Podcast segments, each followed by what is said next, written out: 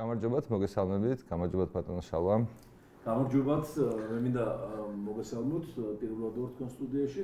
და ამ სტუდიიდან მოგილოცოთ ნამდვილი ახალი წელი, რომელიც ამაღამ დადგება. ძალიან დიდი მადლობა. ასე იყო ჩემ ბავშვობაში, ახალ წელს ზეიმობდით სწორედ აი ამ დღეს ღამე 12 საათზე. მანამდე ხვდებოდით შობას. ну მე შეიცვალა რაღაცა წესები მაგრამ ну ცუდი არ არის რომ ორ ახალ წელს ზეიმობთ ახალ წელი მაინც გქონდეს ორი ხო კი ყველაფერს მოგცავთ გასულ დღესასწაულებსაც ყველაფერს ძალიან დიდი მადლობა მოგწონდით მეორედ მოსვლა არ ვიცი მაგრამ ძალიან საინტერესო არის მართლა ჩვენი ჩვენი საუბარი და ესეთი ადამიანების რომელსაც ჩემს არ აქვს შეიძლება მნიშვნელობა მაგრამ გარე ამომრჩევლის გარე დამკვირვებლის თუ მათ წარმოდგენაში იმენად განსხვავებულები შეიძლება იყვნენ ადამიანები რომ თითქოს ერთმანეთს არ არ ელაპარაკებოდნენ და მე ამას არ ვცნობ და ჩვენ რაღაცნაირად ვახერხებთ რომ ყველასთან შევძლოთ საუბარი და მე იმედი მაქვს რომ თქვენთანაც ეს ამბავი ძალიან კარგად გამოგვირა.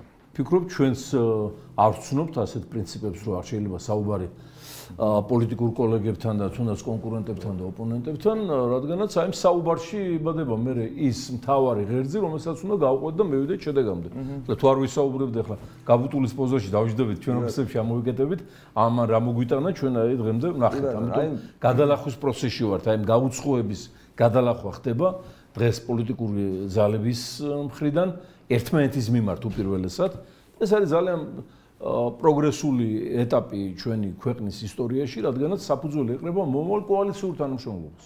აი კოალიციური თქვენ არ ფიქრობთ, რომ ეხლაც კი მას მე რაც თქვა ეს ივანიშვილის გადაწყვეტილება ტყუილის შესახებ, მაგან უკვე ქუჩაში დაამყარა პროპორციული არჩევნები. ანუ ჩვენ უკვე თქვენ სოფიში, როდესაც ის ადამიანები იკრიბებიან, ანუ შეიძლება მოგწონდეს ეს ადამიანები, შეიძლება არ მოგწონდეს, მაგრამ ეს ის ხალხია, ვისაც სურვილი მაინც აქვს პოლიტიკაში ყოფნის. ანუ სხვა ადამიანები ბუნებაში არ არსებობენ და სავარაუდოდ უცხო პლანეტელებიც არ ჩამოვლენ აქ პოლიტიკაში. იმედია, დიდი საქმე გააკეთა ივანიშვილმა, ახლა შეიძლება სხვანაირად გამიგოთ, გაუერთიანებელი გაერთიანა.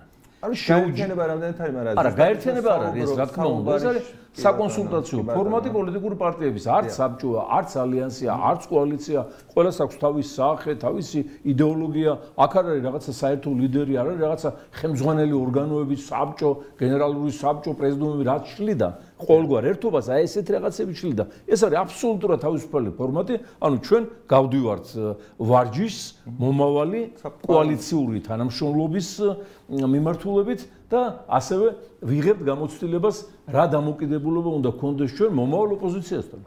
იმ კოალიციას შეყოლება ოპოზიციას.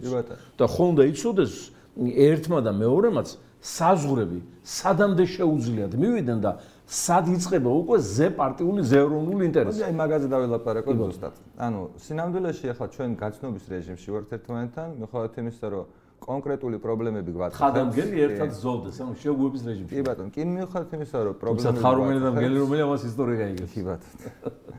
ანუ წარმოვიდგინოთ ესეთი რამე, რომ დავუშვათ, მე და თქვენ დავუშვათ, რომ ივანიშვილი დროებითი დროებითი ხელისუფლება, რომელსაც ჩვენ რომც არ არ ვიყოთ ნებისმიერ შემთხვევაში არ უწერია ამ ქვეყანაში გაგრძელება იგივე რეჟიმის, თუ არა და ეს ქვეყანა იგივე არ იქნება, თუ 2020 წლის მერე ივანიშვილის ხელისუფლება გაგრძელდა, მე ვფიქრობ, რომ ავტომატურად შემიძლია მთელი პასუხისმგებლობით ვთქვა, რომ ივანიშვილის რეჟიმს დარჩა რამდენიმე თვე და არც ერთ შემთხვევაში 2020 წლის იგით ის არ გადავა როგორც ხელისუფალი და როგორც პოლიტიკური მოთამაშე.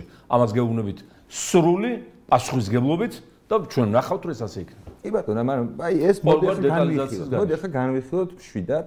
აა გავიცნოთ ერთმანეთს. აი მე მაგალითად ანუ არ ვიმიტინგოთ. არა, არა, არა, ნამდვილად არა. ეს უბრალოდ ეს სფერო არ არის, სფერო, იმიტომ რომ თქვენ მოგეცემათ საშუალება უამრავი, რომ თქვენი მართლა ნიჭიერება ამ სფეროში გამოავლინოთ ყველგან ამ სტუდიის გარდა. კი ბატონო. ძალიან დიდი მადლობა ამაზე რომ დამთავრდა. ვესწრებით აკადემიურ ფორმაში ვიზრდით. კი, უბრალოდ ვისაუბროთ ადამიანთ, ვისაუბროთ. აა მე მაინტერესებს აი დღეს თქვენ როგორ უყურებთ მართლაც პოლიტიკურ ვითარებას და თქვა ლეიბორისტული პარტიის ლეიბორისტული პარტია მინდა თქვენ დამიხასიათოთ. რა არის ლეიბორისტული პარტია, ვინ არიან მისი მხარდამჭერები, გააჩნია თუ არა რა კონკრეტული დღეს რაღაცა მიზნები და ამოცანები, რა არის მართლა თქვენთვის ისტორიაც, მაგრამ აი დღეს სადაც ხართ, იმიტომ რომ ვიცით რომ ძალიან ძიმე პერიოდები გქონდათ პოლიტიკური თქვენს რაღაცნაირად აი მე ბავშვობიდან თვითონ ახალგაზრდობიდან სულ მახსოვს რომ სულ ოპოზიციაში, სულ რაღაცა ისეთი, მაგრამ ბოლოს უკმაყოფილო შედეგებით. აი, თითქოს არ გინდოდათ გამარჯვება. აი, მე ესეთი განცდაც კი მახსოვს ჩემი ახალგაზრდობიდან, რომ ერთხელ მიხელ სააკაშვილს დაუთმეთ კიდევაც, როდესაც გამოიმარჯვეთ არჩევნებში, ხო?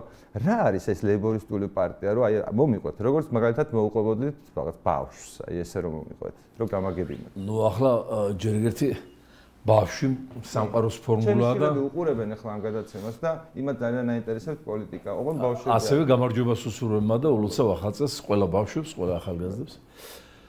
აა როგორ გითხრათ, რა არის ლეიბორისტული პარტია?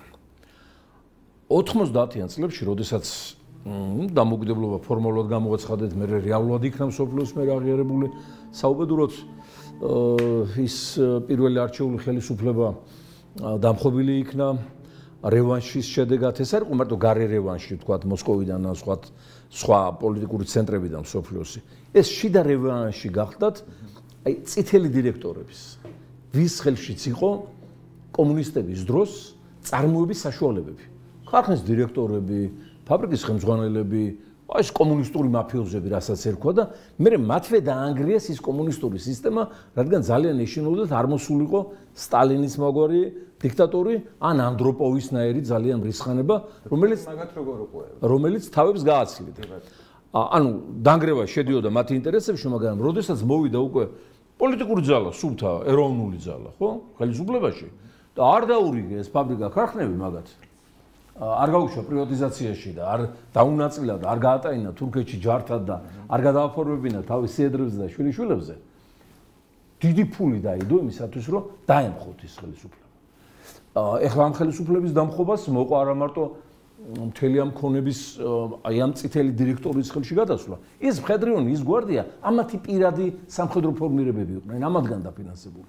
Ну ნაწილი ამ წითელი მილი ფიქრობთ რომ ეს იყო თუ ეს უბრალოდ იყო პროცესი რომელიც ეს დაემთხვა საგარეო და საშინაო ინტერესებს დაემთხვა საშინაო წითელი დირექტორია რომელსაც უნდა რომ მთელი ქვეყნის ქონება გაეფორმებინა თავის სახელზე და დაეტოვებინა ხალხი გალუკილი თითივით რაც მოხდა 97% დარჩა დაქირავებული უმუშევარი უიმედო დეპრესიული უცხოეთში გაქცეული ეს პროცენტი არ არ კლებულობს 3% მოსახლეობის არის მაყოფილი რესტორნები გადატენილი უკანასკნელი ავტომობილების მოდელები აქ არის დემონსტრირებული მეცაც გეტყვით ევროპაში ესე იგი 90-იან წლებში თქვენ ამბობთ რომ თვითონ პროცესი დაშლის საბჭოთა სისტემის წარიმართა არასწორად იმ თვალსაზრისით რომ ამ ადამიანებმა ან ყოფილმა წითელმა ნუ დირექტორებმა იქნებოდა თუ establishment-მა კლავ ჩაიგდო ხელში კლავ ჩაიგდო? ხო დაშლა დაშლა დაშლა სწორი იყო და ისტორიული აუცილებლობა იყო. თქვენ ეთანხმებით იმას, რომ საბჭოთა კავშირი არ მოგწონს.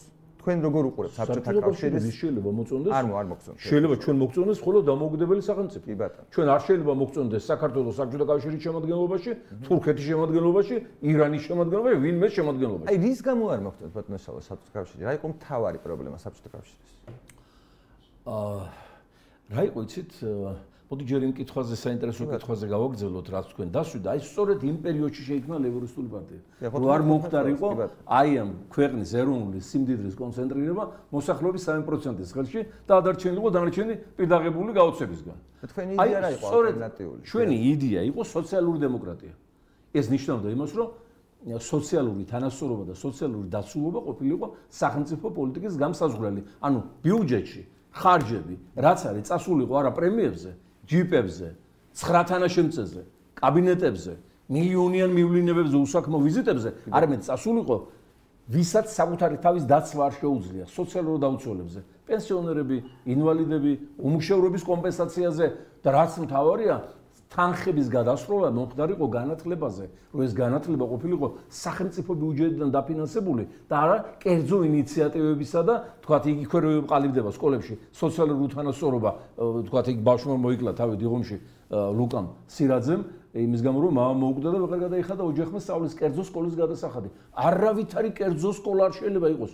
ბავშვებს ჩვენ უნდა გერმანულ ავსტრიული მოდელით, სკანდინავიური მოდელით და ეს არის აპრობირებული სქემა ეხლავე უნდა ვასწავლოთ სოციალური თანასწორობა. არ შეიძლება პრივილეგირებული ბავშვები იზრდებოდნენ, აი თქვა ვასაძის სკოლაში 10000 ლარი როგის და სპეციალური ავტობუსებით რო დაყავთ გათქვირებული, კარგად ჩაკურატებული ბავშვები, რომელსაც მშობლებით ჩვენს ბიუჯეტში ჩამოსყვათ და შორის აბა ეხლა ისინი დავით შრომით არ შეულობენ ამ ფულს ზედიტადი ნაწილი, ყველას არ ეხება და ბავშვებმა უნდა იერონ ერთ სკოლაში კენედის შვილები პრეზიდენტ კენედის შვილები და მთელი კენედის შთამომავლობა იქ რამდენიმე ძმა იყო ხო სენატორი იქ პრეზიდენტობის კანდიდატი რობერტი ედვარდი და სხვა პრეზიდენტების შვილები ობამას შვილები შეუულებრივ საჯარო სკოლაში სწავლობდნენ იმიტომ რომ ეს არის წესი ბავშვებმა თავიდანვე უნდა ესწავლონ ეს საბჭოთა კავშირში ეს კარგი იყო. ყველას გვეცვა ფორმა.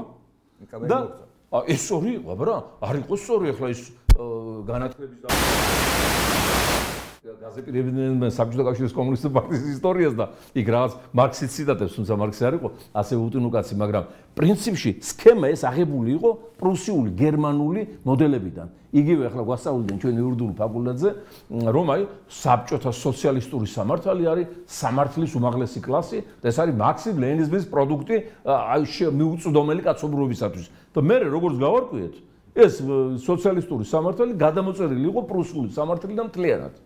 ისევე როგორც სოციალური გარანტიები. ანუ აი ამიტომ აი ეს თანასწორობა უნდა დაცული იყოს და ეს ბიუჯეტი უნდა იყოს ამის გარანტი.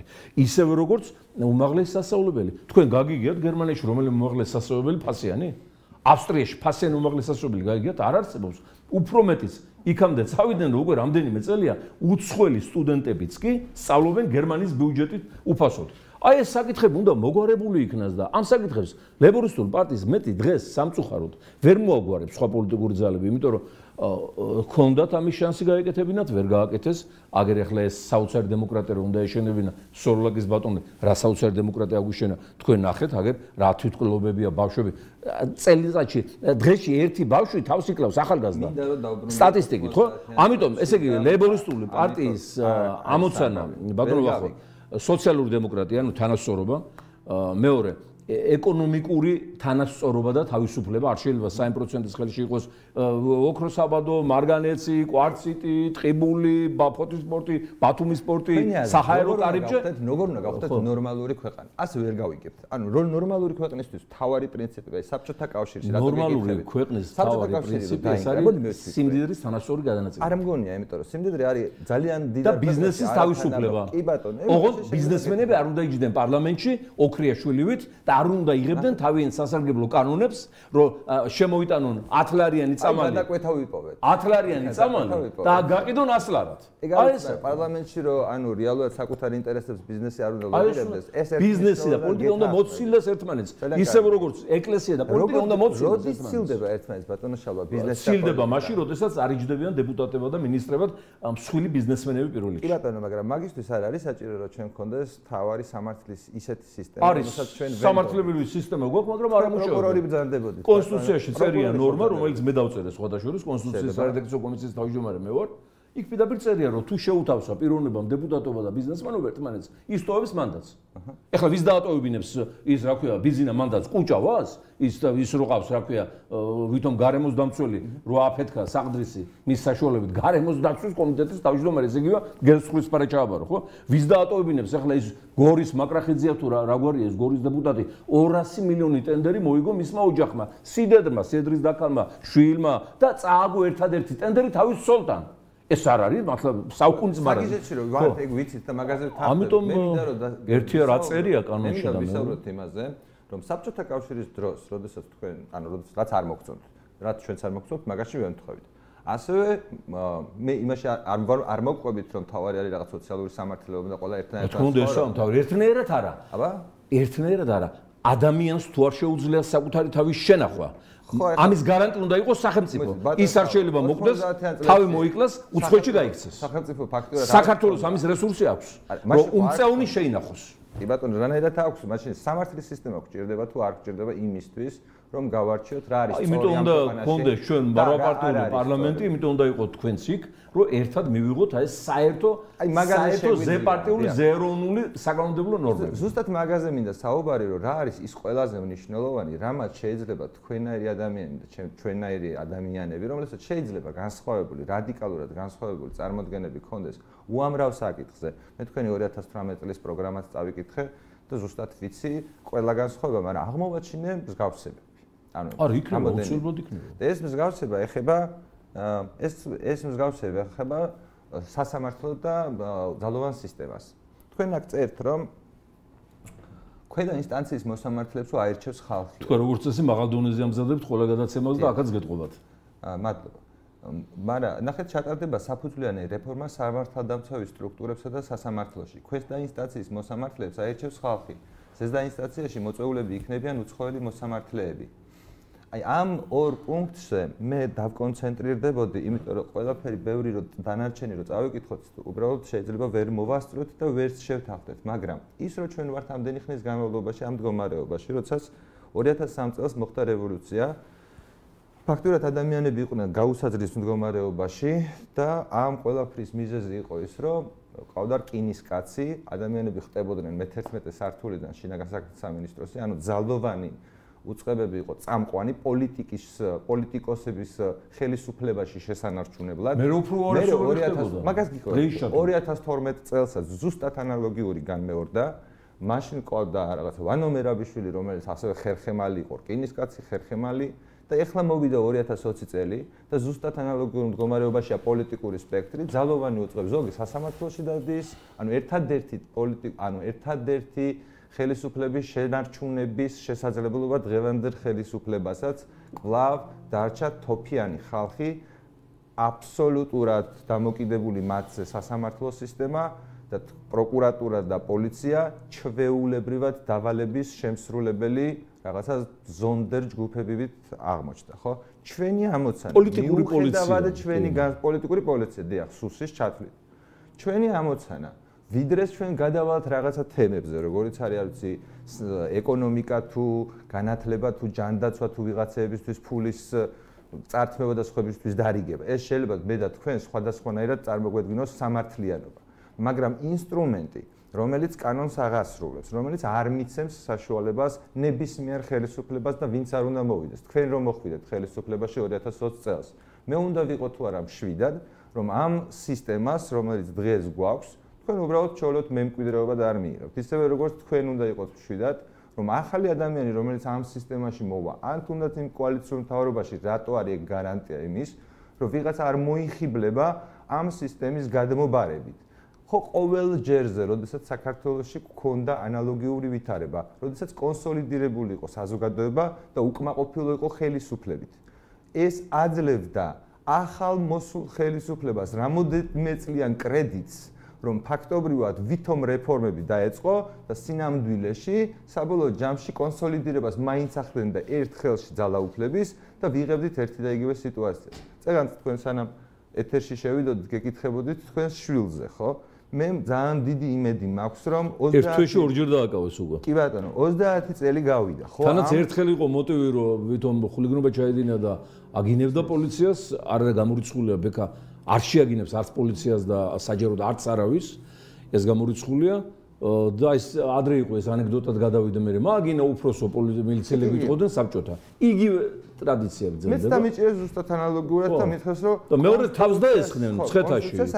ახალგაზრდებს, გაბედეს ახალგაზრდებს და ამათ მოსთხოვეს პასუხი იმის რა ქვია, იმიტომ რომ ზუსტად მაინტერესებს თქვენი შვილი, თქვენი შვილი, რომელიც შეიძლება თქვენსავით გახდეს პოლიტიკოსი და მრავალი წელი იყოს პოლიტიკურ ველზე. თქვენ მეთქი კითხეთ, ისურვებდით თუ არა, რომ იგივე პოლიტიკური ცხოვრება, ან მსგავსი პოლიტიკური ცხოვრებით ეცხოვრა თქვენს შვილს. არც ერთ შემთხვევაში. არ ისურვებთ. ჩვენი შვილები, ჩვენი ახალგაზრდობა ღმერთმა დაიფაროს, იგივე პოლიტიკური გზა გაიარონ, რაც ჩვენ და ჩვენმა თაობებმა გაიარეს. აი წაღამ მკითხე თქვენ დაუთმეს რაღაცშვილს, თქვათ იქ რაღაც არ გინდოდა ხელისუფლებაში მოსვლა. აი ეს სულ ყველაფერი თქვენს მიერ დასახლებული პოლიტიკური პოლიციის გავრცელებული დეзинფორმაცია მოსახლეობაში, რომ მოწამლონ ადამიანთა ცნობიერება და აი ეს მომხრე, ვინც არის ჩვენ და ასე ძალიან ბევრია. ესა ჩვენ არჩევნებმა 26% ოფიციალურად დაგვიწერეს 2002-ში 20% 98-ში მე მთელი სახელმწიფო რესურსები მიდიოდა რომ ჩვენთვის გაეყალბებიათ არჩევნები არ შევეშვით პარლამენტში რეის ვარდების რევოლუცია. ჩვენს გამო მოეწყო. ხლა პირდაპირ თქვა ივანიშვილმა გაუშვა მილიონობით ფინანსი ვარდების რევოლუციისათვის. მაშინ როდესაც ხუთი პარტია იყო პარლამენტში არჩეული შევარდნაძე 6 თვეში მიდიოდა. ყოველგვარი კატაკლიზმების გარეშე მოხდებოდა შევარდნაძის ეპოქის ჩაბარება. მრავალპარტიულობა სახელზე იყო და აი ყველაფერი დაიწყო იქიდან თავდაპირველად მიშამაც მაშინ დაიღუპა თავი მაშინ გახდა ამ ბიძინა ივანიშვილის ასე ვთქვათ დონორიზაციაზე მყოფი პოლიტიკური ძალის ლიდერი და ბოლოს აი რა გაუკეთა იმასაც კრა ხელი. ამიტომ სინამდვილეში სისტემა მოიგდო სააკაშვილის და ივანიშვილის. ანუ სააკაშვილი და ივანიშვილი იმდენად დამნაშავები არ მგონია, რამდენად საკუთარი თავები და ზოგადად მთელი ქვეყანა, ანუ ისინი ექსკლუზიურად დამნაშავებია. არა, დამნაშავებაზე გავსაუბრე ახლა. ივანიშვილს თავისი დავალება ჰქონდა მოსკოვიდან, როდესაც გამოუშვა პუტინმა ივანიშვილი და ბადრი პატრკაციშვილი. ახლა ბოდიშ შედარებისაც ბადრი ახლა ბევრად შეგნებული და ზნეობრივი პიროვნება იყო, ბევრად მაღლა იდგა. რა შედარება ამასთან, მაგრამ ნუ ახლა წყარო, წყარო ასე ვთქვათ, არსებობისა ოლიგარქიზმის საქართველოში პრორუსული წყარო იყო ეს ორი ფიგურა. შემოატანეს დიდი ფული შემოყვა მათ და ამათ ორივემ დაიწყეს პოლიტიკური სპექტრის ყიდვა. ჩვენ უნდა პოლიტიკური სპექტრის შეცდომაზე ვისაუბროთ. ეხლა ჩვენ რო ვტირით რომ პოლიტიკაში აღარ დარჩა პოლიტიკოსები, პოლიტიკური პარტიები, რომ გააძევეს, რომ დაიჭირეს, რომ ჩაკეტეს და აძევებენ, ეს ბევრწილად ჩვენი ბრალია, იმიტომ რომ ჩვენ დაუთმეთ ოლიგარქიას პოლიტიკური მოედანი. და ეხლა რო უთმობდა წმინდა ადგილი არასოდეს ვაკანტური არ რჩება ხო?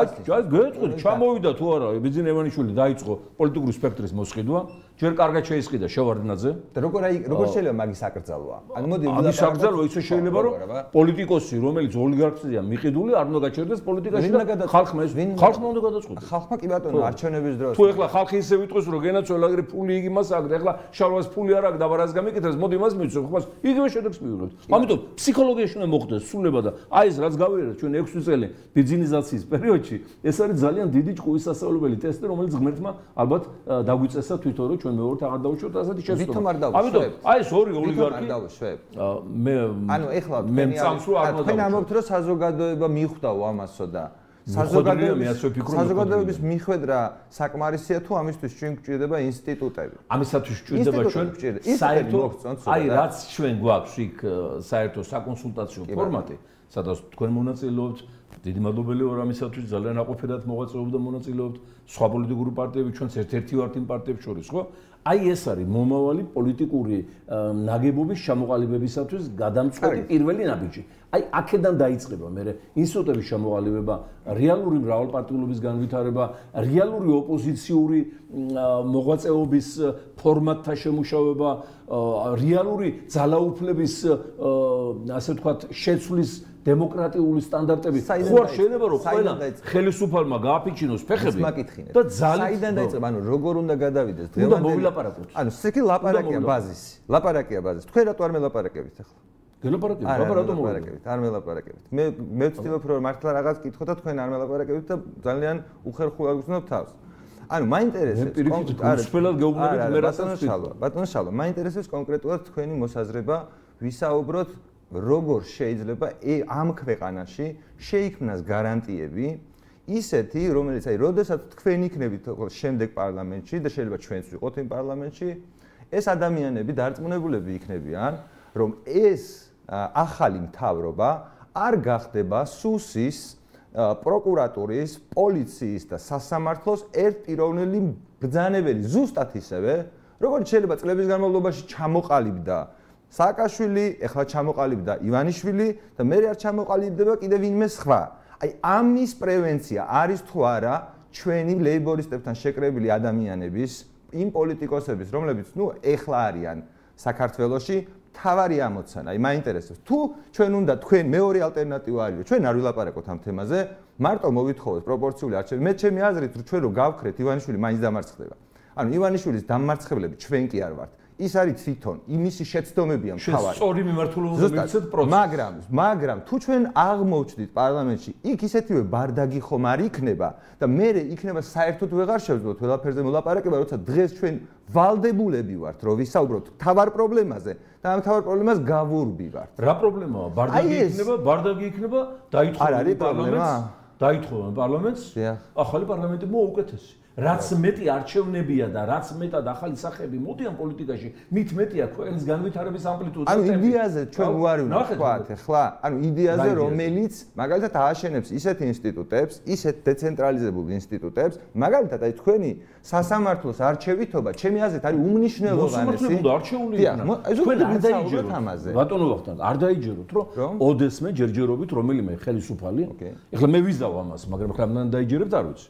რომელიმე ხელისუფალი კონტროლს გაუშვებს ხელიდან სასამართლო კადრებით დაკომპლექტების ასეთი. ვაიმე ზუსტად მაგას გელაპარაკებით. ანუ ამიტომ თუ არა აირჩია ხალხს? არა, ჩვენ გვინდა ეხლავე უთხრათ ამ ხალხს, რომ თავარი ჩვენი ამოცანა არის ისეთი, ანუ ისეთი დაპირებით მოსვლა შემდეგ დაპირებით კი არა რეალური გარანტირებული საქმე ანუ სინამდვილეში ჩვენ თუ დღეს ვიტყვით რომ ჩვენი თავარი ამოცანა არის ამ ქვეყნის ნომერ პირველი პრობლემის მოგვარება როგორც ბიზნეს ევანიშვილმა დაგვკვირდა პროპორციული არჩევნები. მე გადაგვაგდო? ამან ხო შექმნა ის მდგომარეობა რომელიც თქვენც მოგწონთ და მეც მომწონს ანუ მდგომარეობა როდესაც ჩვენ პოლიტიკური პროცესში ჩავერთეთ და ჩვენ შეგვიძლია ლაპარაკი. აი ზუსტად ესევე რომ ჩვენ ვთქვათ რომ აი როგორც ჩალვანათელაშვილი 2018 წელს პირდებოდათ რომ მოსამართლეები იქნებოდა არჩევითი. მათ არ დანიშნავდა აი ეს კლანი, ეს პარლამენტი. ვერც ერთი კლანი. ხო, ვერავინ ვერ დანიშნავდა. ვერც ახალი მომავალი და ვერც ყოფილი. თუ ჩვენ მართლა კომპეტენცია გვჭირდება, მაშინ მართლა მოვიწოდით, მაგალითად არ ვიცი ბრიტანელ თუ ამერიკელ მოსამართლეებს, რომელსაც კომპეტენციის გამო მიიყვანდით თქვენ იმაში სააპელაციო ინსტანციაში, ხო? ანუ ამ შემთხვევაში ხელისუფლებას გამოეცლება ბერკეტი მიუხედავად იმისა, თუ ეს ხელისუფალი თუ კარგია. ჩატარდება არჩევნები? მას ოცნების საფუძველიც არ იქნება რომ სასამართლო გამოიყენოს პოლიტიკური რეპრესიებისათვის. ანუ ჩვენი ამოცანა ხომ არ არის ეხლა რომ მართლა ვისაუბრობთ? ისეთ წერტილოვან, მაგრამ საკვანძო თემებზე, რომელიც საშუალებას არ მიცემს ამ სისტემას გააგრძელოს ისეთივე რეჟიმი, რა რეჟიმითაც ამდენი ხნის განმავლობაში ჩვენ შეგვიძლია. ამ კონცეფციას დღესვე მოვაწეროთ ხელი. ზუსტად აი მოდი აი რომ მაგაზე რომ შევთანხმდეთ რომ მოსამართლეები ძალიან დიდი მადლობა რომ თანხდება იმაზე თქვენ არ გადათქოთ და არ ჩვენ არ გადავთქოთ რომ მოსამართლეები იქნებიან არჩევი ჩვენი გატეხილი სიტყვა არავის უნახავ ჯერ არის თქვენი არჩევი აი ნახეთ რა კაი შეთანხმება შედგა ანუ ეს ჩვენთვის ძალიან მნიშვნელოვანი ეს არის ისტორიული მნიშვნელობის კონცეფცია რომელიც უნდა განვახორციელოთ. კი ბატონო მოსაჭიდი ამაზე რომ შემდგომში თუ ამაზე ვთანხმდებით აგერ პოლიცია რო არის რომელიც მართლა შორის ამერიკაში პოლიციის უფროსად ირჩევენ. ხო და ეგ ჩვენი იდეა კიდე რომ მოდი შერიფებად ავირჩიოთ და უფრო მეც გეტყვით მეც გეტყვით თქვენ ჩემს გარდა მოგეხსენებათ ეს შტატებში განათლების მინისტრებს ირჩევენ და ფინანსთა მინისტრებს. იმისათვის რომ ის ფინანსთა მინისტრი არ გახდეს ბიუჯეტის კურდი და შტატის შემოსავლები გაანაწილოს შტატის მოქალაქეებზე თანასწორად. არა აქამდე აქამდე არ არ მივალდა ვერ მივალდა ჯერ მაგრამ პოლიციის უფროსები და მოსამართლეები თუ იქნებიან არჩევითნი და თუ თუ დამთავრდა რა თქმა უნდა თუ დამთავრდება პროკურორზეც ხო არ გვეთანხმებით პროკურორის არჩევითობა არ შეიძლება. რატო? სოფლო პრაქტიკით არ შეიძლება. არა, არა, პროკურორი კი არ არჩევთ კონკრეტული პროკურორი. მაგალითად, აი წარმოგიდგენთ, რომ გენერალური პროკურორი. არა, არა, რაიონული პროკურორი, რაიონული, აი როგორც ადმინისტრაცია წარმოგიდგენთ, რაიონული პროკურორი რო იყოს არჩევითი. როგორც მაგალითად შერიფი იყოს არჩევითი. საერთაშორისო პრაქტიკა არ გვაძლევს ეგეთ პრეცედენტს, რა თქმა უნდა, აგზავნა არ არის. ჩემი აზრით, პოლიციის უფროსზე და მოსამართლეზე საერთაშორისო პრაქტიკა პირდაპირ ღაღადებს, რომ ყველაზე დამოუკიდებელი და მიუმხრობელი არის არჩევითი მოსამართლე. აი ხლა ტრამპს რა დაემართა? როგორც კი მოვიდა უზარმაზარი და დაპირებებით ყოველს გვახსოვს რომ აი იმიგრანტებს ესე იგი მოაქცევს საიდანაც წამოვიდნენ და დაუკეტავს გზას და მიიღო ბრძანებულება რომლითაც დაკეტა მთელი ის შემოსავლის გაუორეს მათი მდგომარეობა. ვაშინგტონის შტატის დედაქალაქის კარა შტატი როა იქ წყნარ ოკეანეში? რიგითმა მოსამართლემ გაუქმა ბრძანება და თავზე დაამხო მთელი თავისი ანტისემიგრაციო პოლიტიკა. დღემდე ჩავა ეხლა თვეში ერთხელ იმ მექსიკის საზღვაო აგებს კედელს და იმიდღა პიარობს რომ აი რაღაცას აკეთებს ასპეროში აი მოგწონთ ჰა? ამპი მოგწონთ თუ არ მოგწონთ მე ეხლა ამერიკის შეერთებული შტატები მომწონს როგორც ჩვენი ერთადერთი მოკავშირე რომელსაც არ აქვს ინტერესი რომ ჩვენ ასე ვთქვათ ხელი შეგვიშალოს დამოუკიდებლობაში და განვითარებაში და პირიქით. მისი ინტერესია რომ ჩვენ ვიყოთ ძლიერად ნახეთ აქეთ როგორ ვებთხოვით ჩვენთვის ნომერ პირველი ასე ვთქვათ ჩვენ გონია რომ მართლა ამერიკა ყველაზე დანარჩენი ყველა ჩვენი მეზობელი პირდაპირ ვთქვათ ახლა შეიძლება ეს არ იყოს დიპლომატიური ნათქვამი და არც თუმცა პოლიტიკური ყველა ჩასაფრებულია რომ ერთ ჩვენ ერთ დღეს გადაგვინაწილოს. რუსეთიც, თურქეთიც, ირანიც და მათ სატელიტი ორი პატარა მეზობელი კიდე გვერდზე როყავს აი დავით გარეჯი რომ მიითვისა ერთ-ერთმა პრეზიდენტმა რამდენიმე თვის წინ. ხოლო ევროპა პირველსავე ხელსაყრელ სიტუაციაში მიგვაყიდეს ტრადიციულად როგორც აკეთებდა. ამიტომ ერთადერთი გარანტი ჩვენი დამოუკიდებლობის არის შეერთებული შტატები და ეხლა ისინი ვისაირჩევნ პრეზიდენტად მოგწონს თუ არ მოგწონს, ეგ საერთოდ არის ჩვენს ეგ ძალიან კარგი. ასე კი ანუ საგარეო საგარეო ამ იმაზე რა ქვია ორიენტირშიც ლეიბორისტული პარტია და გირჩი როგორც ჩანს ერთმანეთს ემთხვევა. კოალიციის გაფორმა მოგვიწევს. კი ბატონო. ხო, ანუ ეხლა თავ ერთადერთი რაზეც მე თქვენი შეზღუდული დროის გამო ხო, მეცას გეტყვით ბატონო ხო. იაპონიაში აი ხო არის ადამიანის უფლებების დარგში მოსამართლე და სამოქალაქო ურთიერთობების დარგში. იმათაც კი ხალხი ირჩევს. ამ დონეზეა პროფილირება წასული. ხო, აი ეგ მე მგონი გადაგვარჩენს ცენტრალიზებისგან. ეხლა ამასთანაც ვიყავი მე ცოტა გადახრას გავაკეთებ ასე თქვა. ჩემი შტაბი ცოტა ხანი მოგცემ საშუალებას რომ კარგად მოგიყვათ როგორც თქვენი ციტხომე. ხო, თლად ეხლა კარგ ამბავს ვერ მოყვე, იმიტომ რომ ბიზნესმენი გარდაიცვალა რამდენიმე თვის წინ. საკმაოდ ცნობილი და ტრაგიკულად ღმერთმა აცხუნოს და ნუ მე მას არ ვიცნობდი, მაგრამ ახლობლის ახლობელი იყო და ამის გამო გავედი. ესე იგი, თელი უშიშროება ხემძღვანელიდან დაწყებული დამლაგები დამთავრებული დაგზალვაზე იყო. ბიზნესი და უშიშროება ერთი და იგივეა ჩვენთან. ბიზნესში ადამიანი და რაღაცა წარმატება აქვს, მას ეძახენ უშიშროებაში და უბნებიან მოვიტან მოსატანს ჩვენთვის მართული პარტიისთვის აგერ ჩემი პირადი ბიზნეს ინტერესებისათვის უშრობის ხელმძღვანელ მუშაკებს ყველას ბიზნეს ინტერესები და მეტის თავმჯდომარე ამ სტრუქტურის ქართულ ბანკის ყოფილი დირექტორი არის ლელუაშვილი თუ როგორ ის კაცი რო დანიშნეს ბიზნეს ახლა ჩემ სოფლიოში სავალდებულოა თქვა პოლიტიკური წარმატებისათვის ჰარვარდის დამთავრება კემბრიჯის ოქსფორდი იელი სტენფორდი დღეს ქართულ ბანკში კურიერა თუ იმუშავებს აი ეს დაჩი ბერაია სირცხვილი კოლხეთის სირცხვილი ხო კურიერა თუ იმუშავებს უკვე პოლიტიკოსია და დეპუტატია. ნუ მოკლედ ესაც ისტორიები წერა. ანუ რა მინდა ვთქვა, ბიზნესი არ მარტო სპეცსამსახურები და პოლიტიკა გადაჯაჭული და მათი გაცილება საჭირო აი როგორც აი კიბოს რო ამოუჭრის ქირურგი ორგანიზმიდან ისია ბიზნესი და სპეცსამსახურები ჩახუტებული და მათი გაცილება საჭირო. მათი გაცილება რომ ბიზნესი განვითარდეს თავისუფლად რომ ბიზნესმენს გული არ უსკდებოდეს რომ დაიძახებენ იმ უშუალოდ სამსახურში და თავს გააძრობენ დაუყადაღებენ ეხლა ამასთანაც მეუბნებოდა ეს ოქუაშვილი რომელიც გააძევეს აქედან ფაქტურად ცითებით სწხოვდა პირდაპირ ივანიშვილი 4 მილიონს მოიტანა 4 მილიონსო ეხლა ეს ესაც უპრეცედენტოა კორუმპირებული ქვეყნის ხელმძღვანელები უნახავს ისტორიას მაგრამ პირადად ესე აჩვენებდნენ. 4 და 5-იც ბიზნესმენს და ზალავდეს პულს ეგეთი მე მაგალითად არჩევნ პოლიტიკურ და თქვა კრიმინოლოგიაში მუშაობის პერიოდიდან არ მახსოვს. აუღეს და აიღეს და იქ სადაც მანქანებს ყიდის ზურფასი მანქანებია მაღალი კლასის მანქანებია ხო ეს?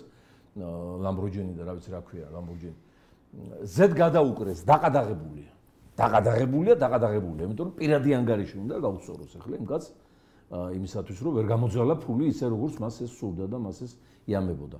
ამიტომ უნდა ბიზნესის გამოგლიჯოთ სპეცსამსახურებისა და ოლიგარქის ბატონობას. ანუ ამოცანები და პრობლემები ბევრი გვაქვს. კანონის უზენაესობა მე მგონი ამ პრობლემას მოაგვარებს თუ ეს გავაკეთე. ხო, მოაგვარებს და მე კანონის უზენაესობის მაკონტროლებელი პიროვნებების არჩევა ხალხისგან, რასაც ჩვენ ვამბობთ. პროპორციული არჩევნები მაგის გარანტია იქნება, ოღონდ პროპორციული არჩევნები არის სავალდებულო, მაგრამ არასაკმარისი პირობა ჩვენი კეთილდღეობის. რა თქმა უნდა, არასაკმარისი, მაგრამ აი ეს კონცეფცია, რომ იცით, ეს პროპორციული არჩევნები იწევს იმას, რა ქვია, საპარლამენტო კრიზისებს და ახალ-ახალ არჩევნებს.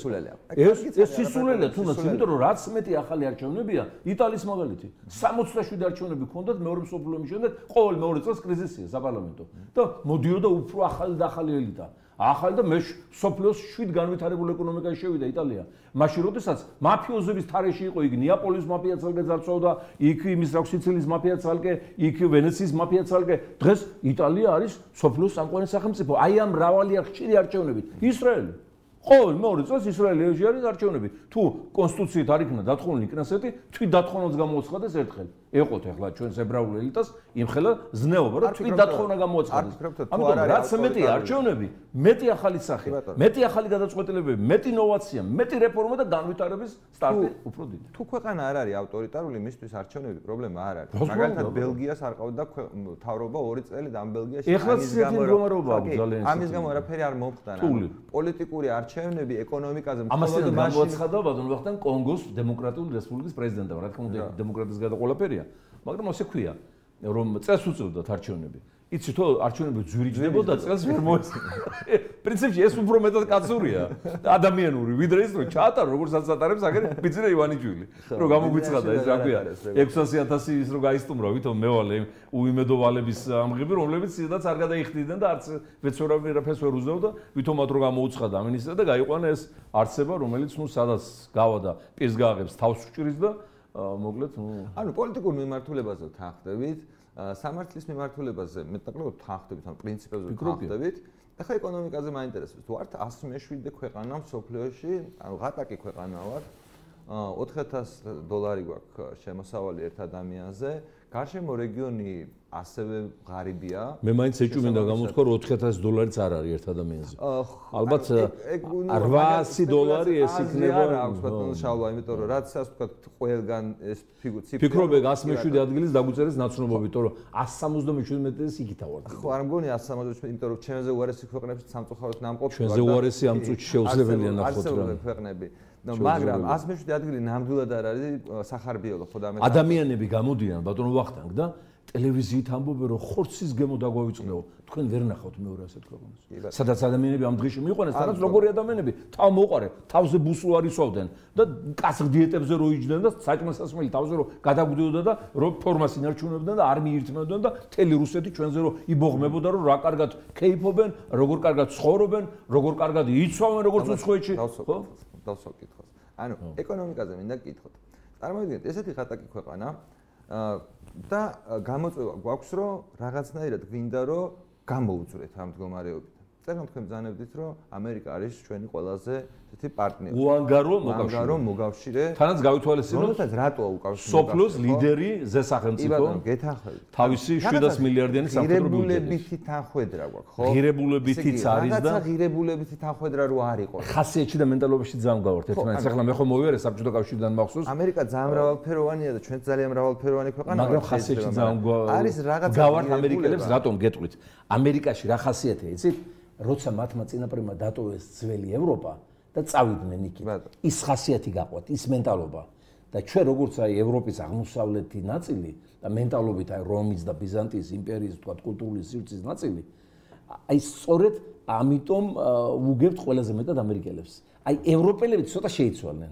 ცოტა ზედმეტად პატივმოყარენი არიან და ცოტა ცხრაწეულნი და ამერიკელი აი ძალიან გულგახსნილია და ძალიან აი პირდაპირია და რაც უნდა გეტყვის და არ მოგატყუებს და არ გადაგადებს. შეიძლება ხო თავისუფლება, ანუ ეს თავისუფლება მათ შორის არის ეკონომიკური თავისუფლება. ანუ ძველი ევროპელები ამერიკელებს და ჩვენს მენტალობით, ამიტომ ძალიან კარგი. მსგავსებას მივხედავთ. ზუსტად. აი ეს თქვენ რასაც საუბრობდით, რომ მაგალითად აი სახელმწიფომ რო ყველაფერი უნდა გაუკეთოს, აი რაც თქვენ არა, ყველაფერი არ უნდა გაუკეთოს, ახლა სახელმწიფო ისა უცოლო ბიჭის მაგირო ცოს ვერ მოიყვანს, ქალის გოგოს მაგირო ვერ გათხოვდება და მერსედეს არ დაუყენებს ახლა ქორწილში, თუმცა სასურველია, აქ ახლა მუამარ კადაფი მოგეხსენებათ 65000 დოლარს აძლევდა ახალ დაქორწინებულებს, ხო? მაინც აგი დაამხეს და რა ამბავი დამარცხეს. ხო, ძალიან ცუდად, ხო. ანუ ანუ ძირითადი ადამიანს არ უნდა შეოდეს. ხო, და აი რა უნდა გავაკეთოთ იმისთვის? ხა თქვენ რო ბძანებთ რომ 4000 დოლარიც არ გვაქვსო, ხო?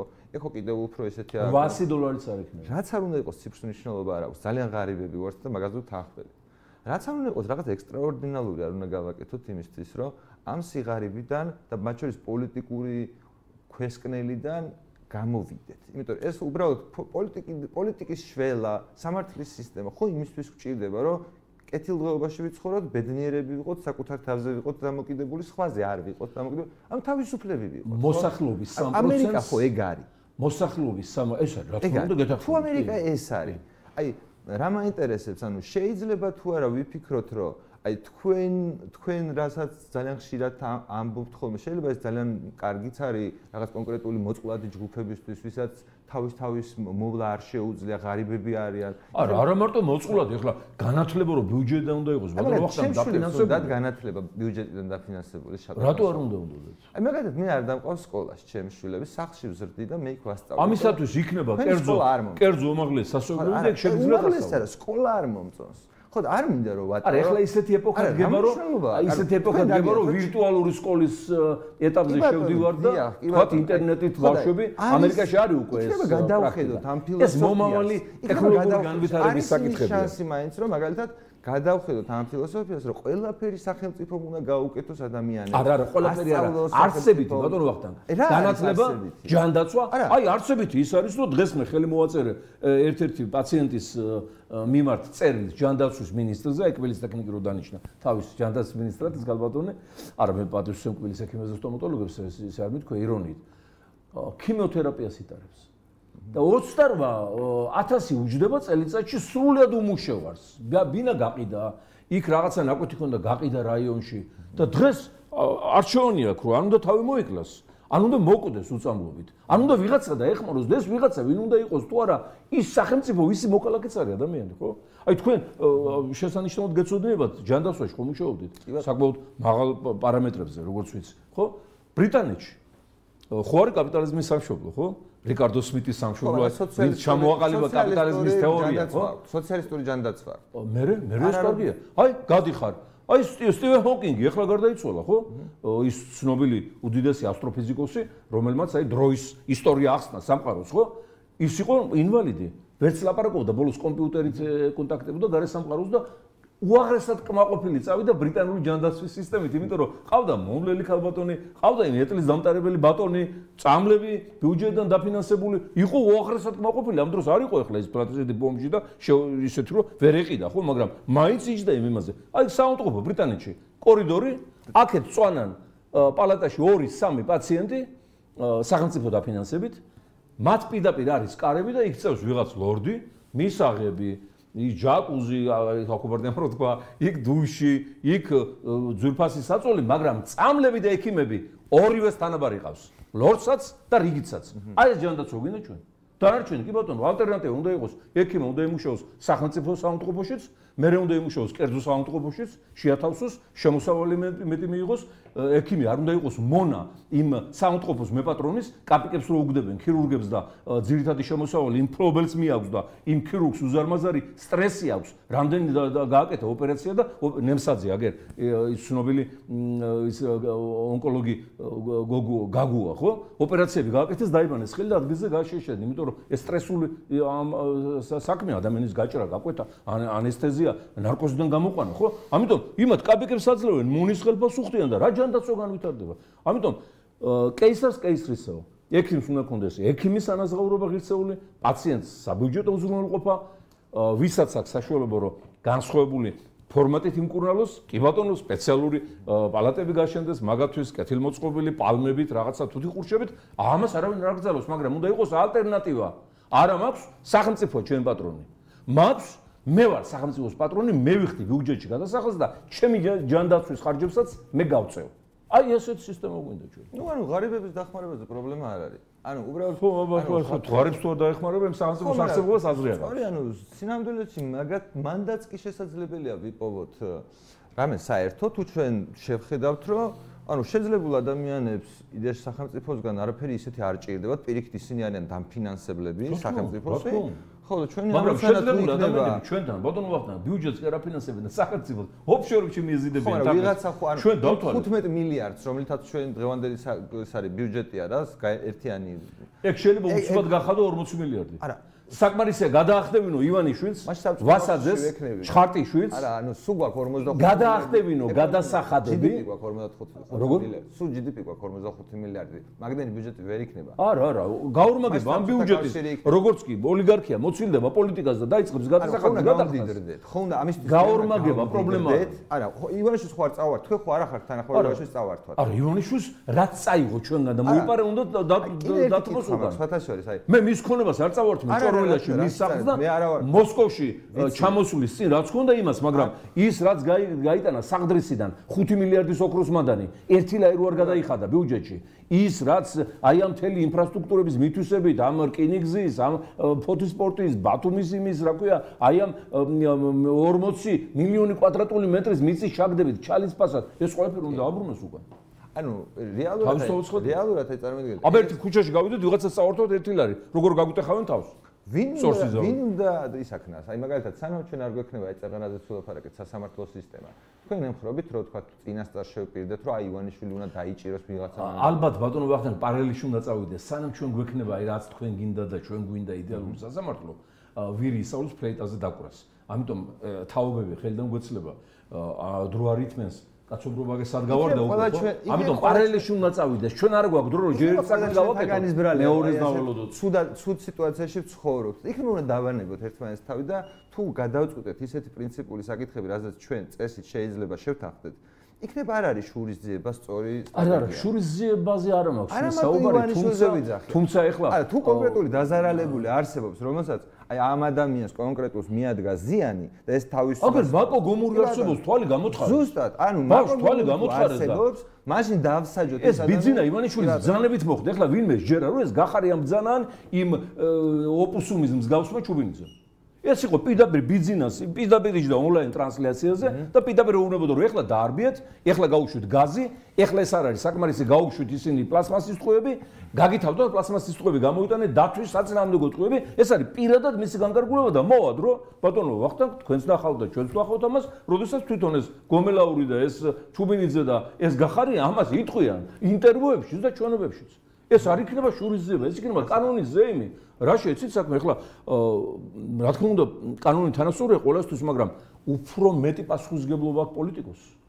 ბევრად მეტი ვიდრე გით ადამიანს. ამიტომ მის მიერ ჩადენილი გადაცვლომას მოხდება გამოუსწორებელი შედეგები ხშირად ვიდრე რიგითი ადამიანის რაიმე ქმედებას უკანონოს. ამიტომ პასუხისგებლობა მასზე ბევრად მეტი უნდა იყოს, ბევრად გარდაუვალი უნდა იყოს, თუნდაც იმიტომ რომ შემდგომა თაობებმა პოლიტიკოსების არ დაუშვან იგივე იმ იმედით რომ აგერა შევარნაძე იმდენ მოიპარა ყველა შევარნაძე მილიონ რედაქცია სიძე მილიარდერ რედაქცია ჯოხტაბერიძე მაქტის ფლობელი და ისეთი ბანდიტური ორგანიზაცია რომ სასწაულს გეტყვით ერთ-ერთი ვიზიტის დროს მინდოდა რომ ჩამერთო როუმინგზე ეს მაქტი მაგათი და მასწავლეს რომ ეს ეს 10 ლარს შარიცხავ დეპოზიტში დადებ 100 ლარს.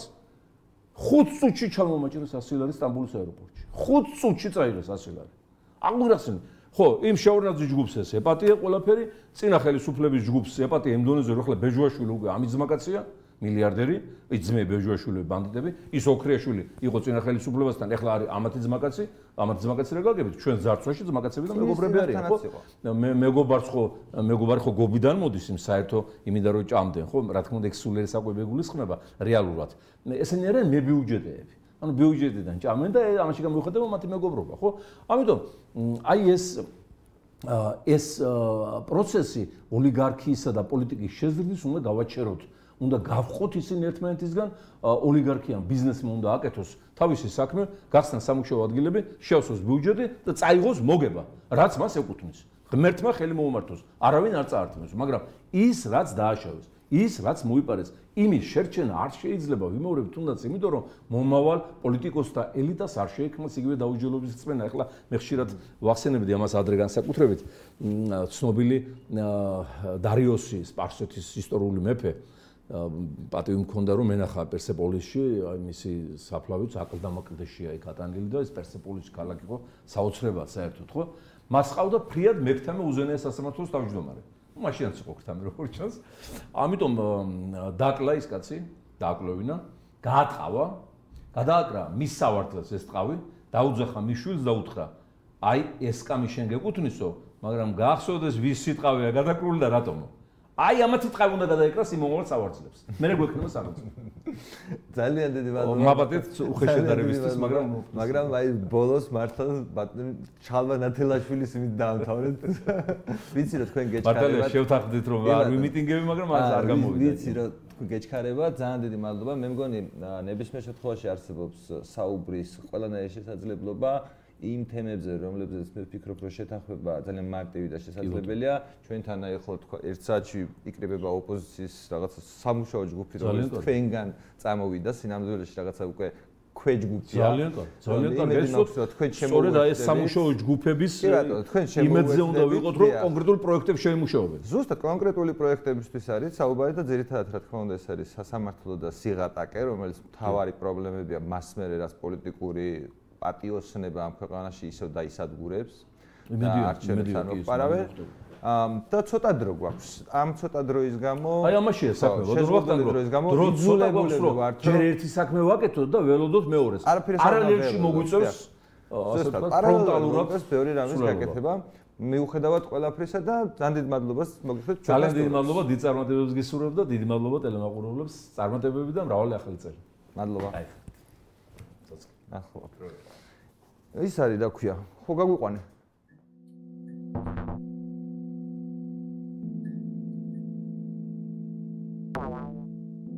შედეგად ჩვენ გვირთულდება ფულის გამოყენება